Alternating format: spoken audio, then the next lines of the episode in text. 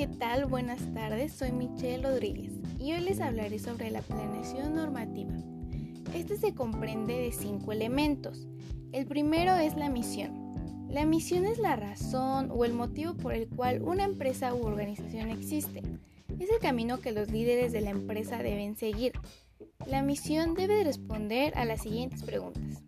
¿A qué se dedica la organización? ¿Cuál es el público al cual va dirigido? Qué quiere hacer y cómo ayudar a sus clientes. El segundo elemento es la visión. Esta es una proyección hacia el futuro, es la meta final a la que se dirige la empresa. El tercer elemento son los objetivos.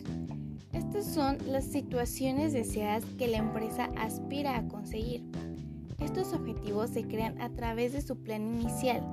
Existen tres tipos de objetivos a largo plazo o también llamados estratégicos, que su cumplimiento se estima en un tiempo futuro y guían a los objetivos de mediano y largo plazo.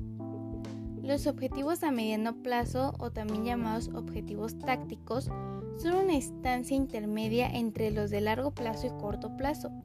Y los objetivos a corto plazo son los que se cumplen de manera inmediata en un plazo menor a un año. El cuarto elemento de la planeación normativa son los valores. Estos definen los principios éticos de la empresa. Junto a la visión y misión constituyen su esencia e identidad corporativa.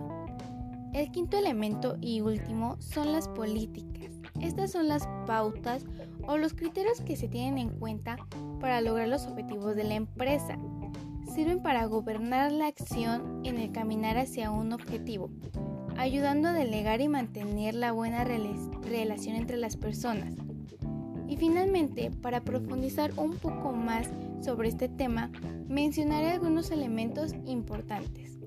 Para tener un análisis externo en la empresa, es necesario definir los entornos políticos, económicos, sociales, tecnológicos y ecológicos que constituyen el análisis externo de la empresa. Después, se debe identificar las oportunidades y amenazas.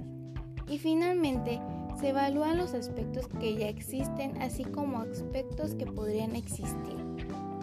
Por otro lado, para realizar un análisis interno de la empresa, se evalúan los recursos que posee la empresa, ya sean financieros, humanos, tecnológicos, etc.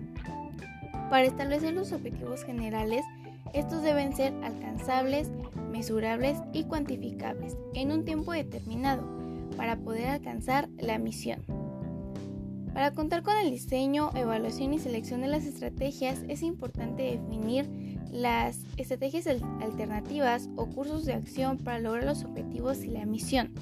Para esto puede realizarse un FODA, Finalmente, para diseñar los planes estratégicos se debe señalar los objetivos específicos que permitan alcanzar los objetivos generales, las estrategias específicas o cursos de acción que se van a realizar, que permitan alcanzar los objetivos específicos, los recursos que se van a utilizar, cómo es que se va a distribuir, cómo serán los responsables para la ejecución de las estrategias, cuándo se ejecutarán estas, en qué tiempo se obtendrán los resultados y cuánto será la inversión para la implementación de estas estrategias.